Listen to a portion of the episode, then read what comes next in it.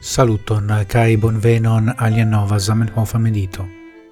Ci vespere mi volas legi con vi unu el la malmultai casoi en kiwi Zamenhof citas intercitile en havon de iu alia. Kai en ci tiu specifa caso ni ec nescias la autoron de la vortoi kiuin mi rautlegos. Ciu ocase, ili troveblas en pagio sestec tri. Temas pri gazet articolo en la frua iaroi de la revuo La Esperantisto 1889-1890.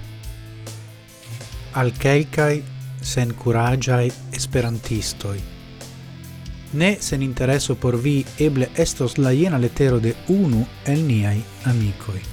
En la comenzo mi vane penis trovi in nia urbo amicoin por nia afero.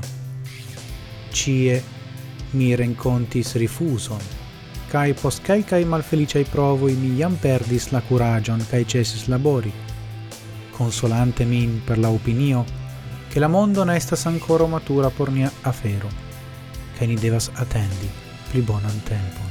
Sed, post quelca tempo mi faris ancora unu provon, cae gi prosperis al mi, trovi unu amicon por nia afero.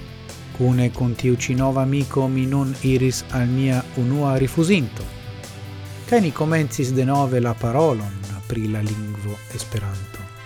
Vidante nun che mi jam ne estas la sola malsagiulo en nia urbo, la dirata persona, de nove tralegis la broŝuron, pripensis cin, pli seriose, cae farigis baldau ancau varma amico de nia afero.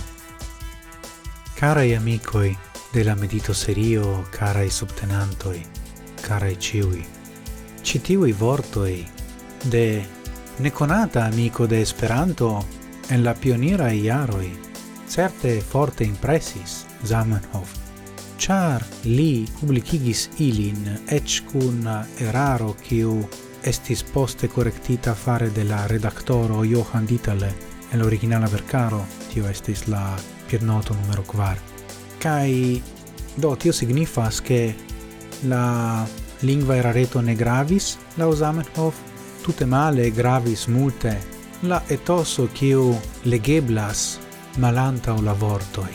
Do, tiu fairo un citiu tiu nekonata esperantisto sentis interne de si.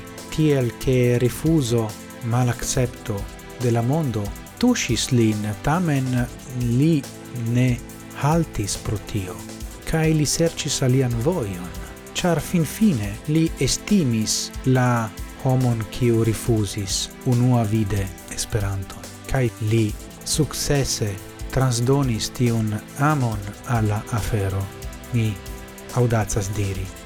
Finfine tio estas kio, vere, gravas, sincera, sindonema amo, en la plei vasta, larga senso de la greca agape.